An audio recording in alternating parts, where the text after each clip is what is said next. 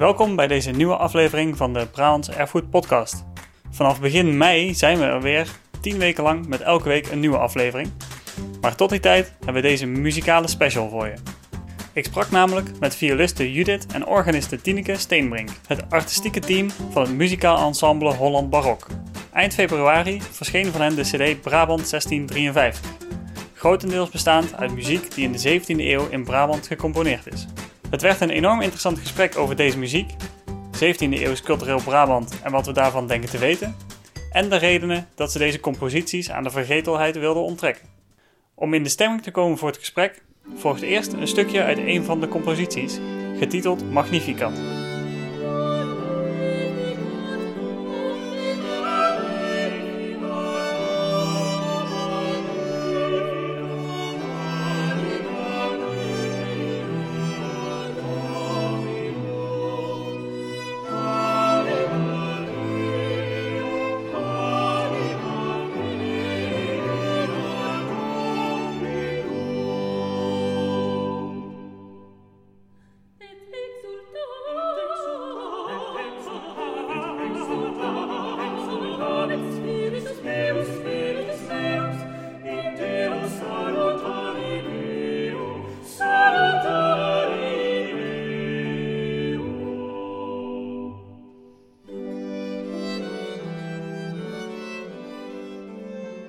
Ja, Judith en Tineke, heel fijn dat jullie uh, tijd hebben voor een gesprek in deze podcast.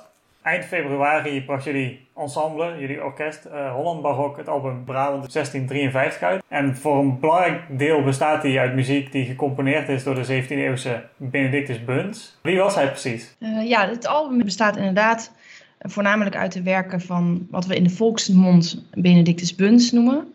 Want dat uh, bekt net even iets makkelijker dan zijn kloosternaam, Benedictus a Sancti Josefo. Hij was monnik in het klooster van Boeksmeer bij de Karmelieten. Heeft daar zijn hele leven gewerkt en geleefd. Was een, een tijdje subprior, dat is een soort uh, leidinggevende functie in het klooster. En was vooral ook organist daar. En uh, werkzaam als componist. Dus echt een monnik die daar met muziek bezig was. Dus... Ja, precies. Uh, of ik neem aan onder andere met muziek bezig was. Met muziek en bidden. Ja, dat was, het zal de verhouding geweest zijn, precies. Ik, ik ben min of meer zeker een klassieke muziek leek, uh, zal ik zeggen. Als het überhaupt een belangrijke vraag is. Maar hoe moeten we die muziek die hij schreef dan kwalitatief inschatten? Nou, dat is, een, dat is een hele goede vraag. Of je nou uh, er veel van af weet of niet. Kijk, Benedictus a Sanct Josefo, overigens ook wel leuk dat wij hebben vanaf het begin proberen te zeggen Benedictus a Sancti Joseph, omdat hij zelf dat eigenlijk onder zijn brieven en zo schrijft. Maar zoals het waarschijnlijk in de 17e eeuw is, uh, hardnekkig was, is dat mensen om ons heen toch Benedictus Buns gaan zeggen. Dus wij hebben ons stinkende best gedaan in alle interviews en in ons eigen schrijven om te zeggen, jongens, het is Benedictus a Sancti Josepho. Maar voordat je het weet, zegt iedereen toch Benedictus Buns. Dus dat, ik denk dat het een soort traditie is die wij uh, er niet te moeilijk over moeten doen. Maar dus dit onderzoek gaat uh, niet alleen over Benedictus Buns, maar ook over alle andere Brabantse 17e eeuwse kloostercomponisten. En als je onderzoek doet, dan ga je eigenlijk niet in eerste instantie kijken van hoe goed is deze muziek nou? Of hè, is hij nou met andere componisten te vergelijken? Uh, beroemde barokke componisten. Nee, we gingen eerst maar eens heel erg kijken wat is er aan repertoire. Maar als je het eenmaal op de planken gaat brengen, als we, toen we echt konden gaan spelen en ook echt in die partituren konden gaan kijken, ja, dan valt op een gegeven moment wel op dat het hartstikke mooie muziek is. En dat is ontzettend leuk om dat te merken. Dan ga ik in ieder geval ook mijn best doen om hem uh, Benedictus a Sancto Josefo te noemen nu. Ah, punt mag dus ook. Mag dus ook. nou, als je het zelf wilde, dan uh, zullen we zijn uh, wil maar als het ware, zoveel mogelijk. Jullie kwamen er eigenlijk zelf ook al pas in de loop van het onderzoek achter dat het echt uh, ook kwalitatief goede muziek was. Eigenlijk staan we al sinds 2004 in de startblokken om dit project te doen. Omdat we altijd hmm. wel wisten dat er hele mooie muziek lag te wachten. En um, die lockdown die heeft ons de gelegenheid gegeven om het noodzakelijke onderzoek wat daarvoor nodig was, te doen. Het was een uh, geluk bij een heel groot ongeluk dat er wat tijd kwam. Maar het vermoeden en het bijna ook zeker weten dat die muziek zo goed was, dat hadden we al heel lang. Oké, ja, dat, het zat dus al even in het vat. We hebben het over zijn muziek. Wat voor muziek componeerde hij? Wat, voor stijlen of wat voor invloeden had hij? Er zijn eigenlijk twee verschillende vragen. Uh, hij heeft uh, ten eerste heel veel gecomponeerd. En daarom is hij ook wel de vaandeldrager, zeggen wij wel eens, op de hoofdpersoon in wat wij noemen wat de Brabantse stijl is. Want zijn oeuvre is echt heel omvangrijk. En wat ook opvallend is, dus hij heeft veel geschreven. En hij heeft in grote bezettingen geschreven. Dus dat betekent veel zangers, veel instrumenten. Het is misschien veel rijker dan dat je zou denken zoals het ja, in die toch moeilijke tijden van de 17e eeuw zou zijn geweest. Dus het, het zijn, eh, de ontdekking van zijn oeuvre stelt onze kijk op die 17e eeuw in Brabant uh, absoluut bij en eigenlijk in heel Nederland. Ja, dat, want dat is misschien uh, goed om inderdaad ook te noemen. De 17e eeuw, zeker in Brabant, is natuurlijk een ontzettend ingewikkelde periode. zeker aan het begin gebeurt heel veel in de zin van religieuze conflicten, militaire conflicten. Zit natuurlijk aan het begin nog midden in de 80-jarige oorlog. Benedictus Sancto Josefo heeft dus ook een beetje het geluk gehad dat hij in zo'n vrije heerlijkheid, waar dan nog katholicisme beleden mocht worden, of in ieder geval waar nog openbaar katholicisme beleden mocht worden, kon componeren dus ook, denk ik. Ja, of was hij zo goed dat, hij, dat, hij, dat daar zijn plek was? Want ik bedoel, inderdaad, ja. Boxmeer was wel echt in die zin de beste plek waar je als katholieke componist op dat moment kon zijn. Toch, Tini? Dat kunnen we bijna nu wel... Ja, nou ja, hij is al, ik geloof ik, met op een leeftijd van 17 in het klooster uh, ingetreden. In, uh, toen heeft hij nog een opleiding gevolgd. Maar het is absoluut zeker dat zonder de beschermheer, de familie van den Berg, hij dit nooit had kunnen doen. Dus het is een hele bijzondere uh, samenwerking geweest tussen, die, tussen de geestelijkheid en die adellijke familie. Die overigens ook het klooster hebben gesticht. Dus um, ja, de omstandigheden waren meer dan gunstig voor Buns, een hele leven lang. Het zal denk ik ongetwijfeld ook enorm invloed hebben gehad op de context van zijn muziek. Want je hebt dan natuurlijk in het, denk ik, het overgrote deel van Brabant is eh, openbaar katholicisme beleiden eigenlijk verboden dan. En zijn ook de grote kerken die altijd de parochiekerken waren geweest, uh, gingen naar de protestanten. Dat ik de, de minuscule protestantengemeenschap heel vaak. En dan zat er een schuurkerk vol met mensen uh, of mensen trokken massaal naar een kerk bij de grens van de vrije heerlijkheid om daar de mis bij te wonen uh, en de vieringen bij te wonen. Hoe weet je dat allemaal? dat is leuk, hè? Het is heel leuk dat iemand anders het ook allemaal weet. Dat is echt te gek. Kijk, mensen weten dit, hè? Mensen hebben toch nee, precies. dat, dat, dat het katholicisme verboden werd. En dat het pas eind 19e eeuw terugkwam. Maar uh, het verhaal wat jij schetst, dat kwamen wij ook terug in de muziekgeschiedenis, ja. Ja, en bij wat voor gelegenheden werd zijn muziek dan gespeeld? Was dat in zo'n schuurkerk? Nou, dat is een uh, vraag waar wij ons ook heel erg mee bezig hebben gehouden. En uh, tijdens het onderzoek zijn we dit onderzoek eigenlijk gaan veranderen naar een eerst onderzoek wat echt heel erg vanuit onszelf ging. Uh, naar een collectief -hmm. onderzoek. Er zijn steeds meer mensen bij betrokken geraakt. En vorige week kwam iemand met bewijzen dat in de kerk van Buns, weliswaar een beetje later, maar bijvoorbeeld een heel belangrijk werk van hem het Te Deum is uitgevoerd. Dus wij, wij, deze vraag van, is dat nou echt in Boksmeer uitgevoerd? Wie speelde de vergodpartij? Wie kon uh, ja. viool spelen? Dat was altijd een, een soort hypothetische vraag voor ons. Maar na de presentatie of tijdens de presentatie van de cd... kregen we van uh, heinde en verre berichten. Bijvoorbeeld dat er al in, uh, in de 17e eeuw twee trompetters waren aangesteld in Boksmeer. Dus het, het moet echt een hele... Uh, drukke muzikale gemeenschap zijn geweest. En, en hoe dat dan in die schuilkerken zit, daar stonden vaak kleine orgeltjes en daar werd door uh, de koralen of door de, door de vrouwen werd daar gezongen. Of daar van alles aan de gang was. Al, al, alhoewel Judith Gemert, of nee, het was Oplo die een hobo koopt. Uh, de kathedraal in, in Sint-Jan heeft net voordat hij dichtging nog een hele set gamba's gekocht. Dus het idee dat het allemaal maar heel simpel was, dat hoe meer informatie we krijgen, hoe meer we dat idee moeten bijstellen. En gamba's is misschien wel goed, want mijn eerste associatie was met het eten. Ja, maar het zijn dus... Een instrument, ja. Ja, precies een soort strijkinstrument. Maar er is, ja. er is bijvoorbeeld ook een brief opgedoken waar wordt beschreven dat Van den Berg, geloof ik, voor Benedictus twee viola d'amores koopt. Nou, viola d'amores, dat zijn echt uh, het een soort van violen met heel veel extra snaren. Die gebruik je alleen als je alles al hebt. Hè, als je, dat, dat is echt een, een luxe instrument voor daarbij. Is voor speciale effecten. En wat ook interessant is, kijk, we moeten nog steeds nog meer door het werk van Buns heen. Maar wij, ik heb het in zijn partituren niet zien staan, maar het is wel besteld. En wat betekent dat dan? Betekent dat dat hij dat nog daarnaast gebruikt? Of, nou, in ieder geval geeft het een rijkdom weer die wij niet hadden kunnen vermoeden. Ja, het is niet een instrument wat je vast in je, uh, in je orkest of je, je ensemble had. Dat doe je als je geld over hebt. Wat ook overigens interessant is, is dat we hebben natuurlijk nu met allerlei zangers gewerkt en zo aan zijn repertoire. Is dat het niet makkelijk is om te zingen. En ook die vioolpartijen zijn. Eh, nou, ik, ik zei laatst een beetje uh, schertsend tegen Tineke. Ik denk niet dat Buns violist was. Want het is dat was hij ook best wel zijn organist. Maar het is niet heel makkelijk te spelen. Maar de zangpartijen, daar heb je ook echt zeer getrainde zangers voor nodig, toch Tineke? Hm. Ja, zeker. Ja. ja. Ja. interessant. En deze muziek werd dan, uh, jullie noemden net al inderdaad de, de koralen en de, de, waarschijnlijk dan ook de, de collega-monniken zeg maar, van, uh, van Benedictus die uh, meespeelden of die zijn muziek uitvoerden. Gebeurde dat dan alleen in zijn eigen omgeving of is zijn muziek ook in, op andere plekken verder weg uh, buiten Brabant, om het even zo te zeggen, gespeeld. Weet je dat? Nou, zijn muziek is in ieder geval... Uh, hij heeft negen opusnummers. Die, heeft hij zijn hele leven is dat uh, door blijven publiceren. En dat is gedrukt in Antwerpen, in Utrecht, in Amsterdam. Maar het is bijvoorbeeld ook terechtgekomen op bibliotheken in Zweden. En hij wordt ook vaak genoemd Le Grand Carme. En in, zijn, in de necrologie in het uh, klooster, dat is zeg maar een, een soort uh, bijhouden van wie er allemaal was, hoe die monniken heten, daar wordt hij de beroemde genoemd.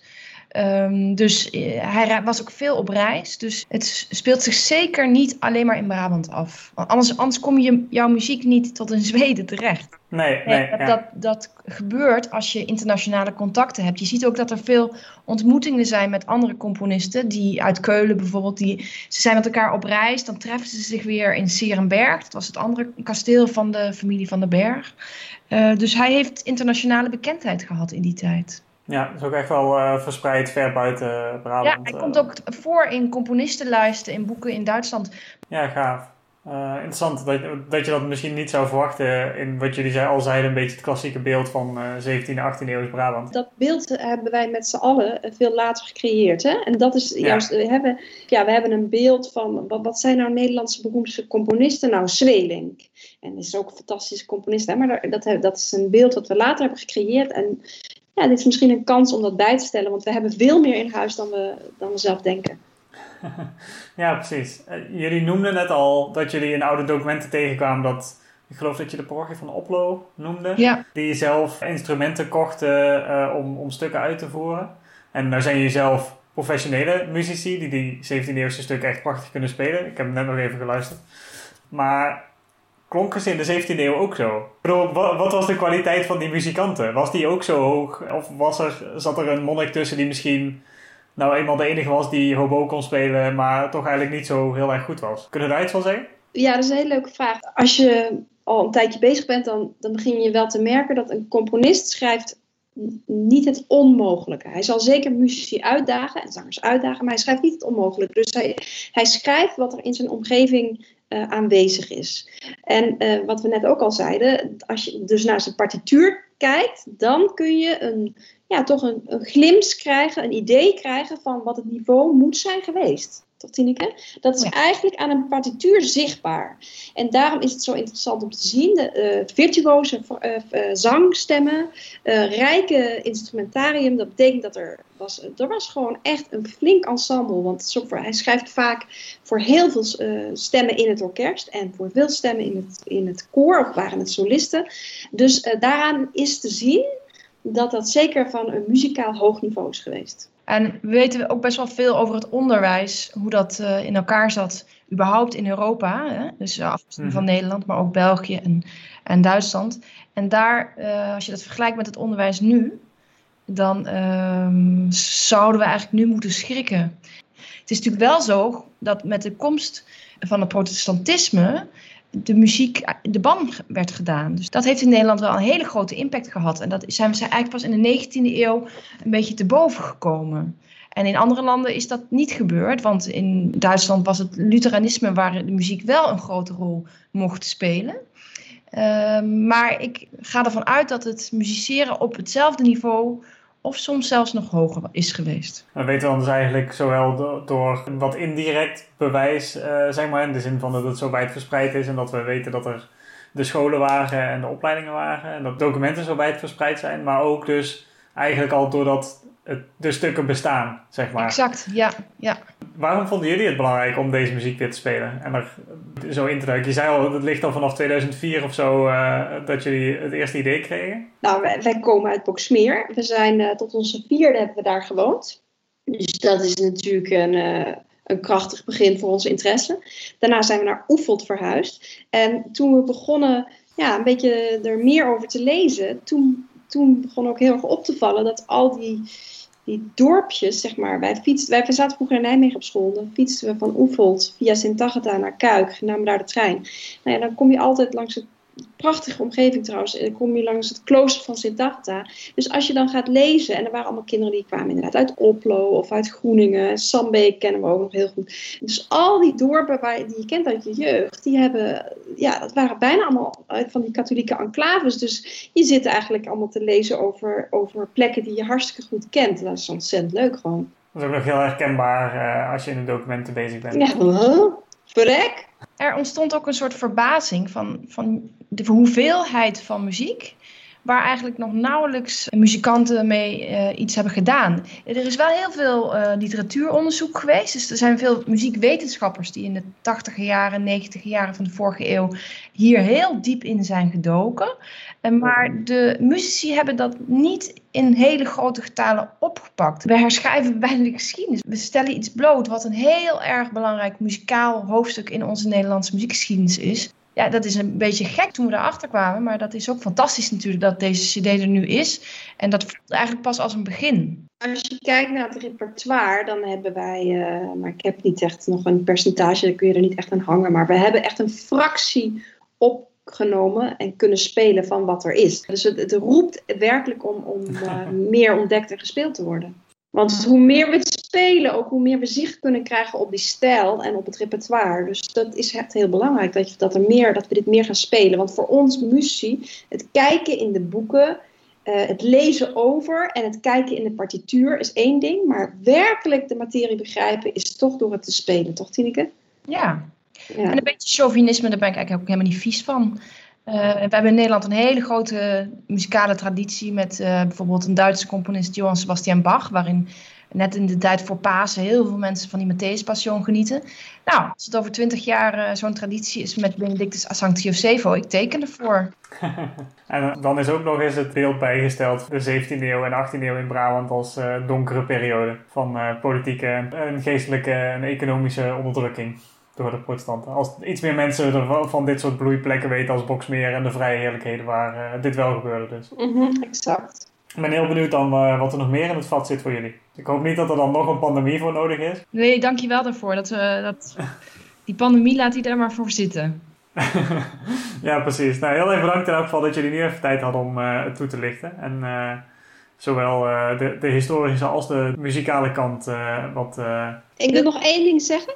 En dat is, uh, want Tineke had het over het collectief onderzoek. Nou, er zijn nog steeds open eindjes en daar, ja, daar willen we ook nog steeds mee doorgaan, Tineke. Ik noem nog één keer het graduale van Gemert, maar ook andere dingen. Dus mochten luisteraars nog tips hebben of uh, van, goh, hebben jullie daarnaar gekeken, dan staan wij daar altijd voor open. En, en dat vinden we gewoon heel erg leuk. Dat is al, ook al heel veel gebeurd, maar mocht, mocht u dit geluisterd hebben en denken, ik weet nog iets, wie weet... Uh, weten Tineke en Judith Steenbrink dit niet dan uh, nou, mail ons gewoon. En wie weet levert dat ook nog wat, wat op. Heel erg bedankt voor je tijd. Graag gedaan. Achtergronden bij deze aflevering vind je op de afleveringspagina op brabantserfgoed.nl slash podcast.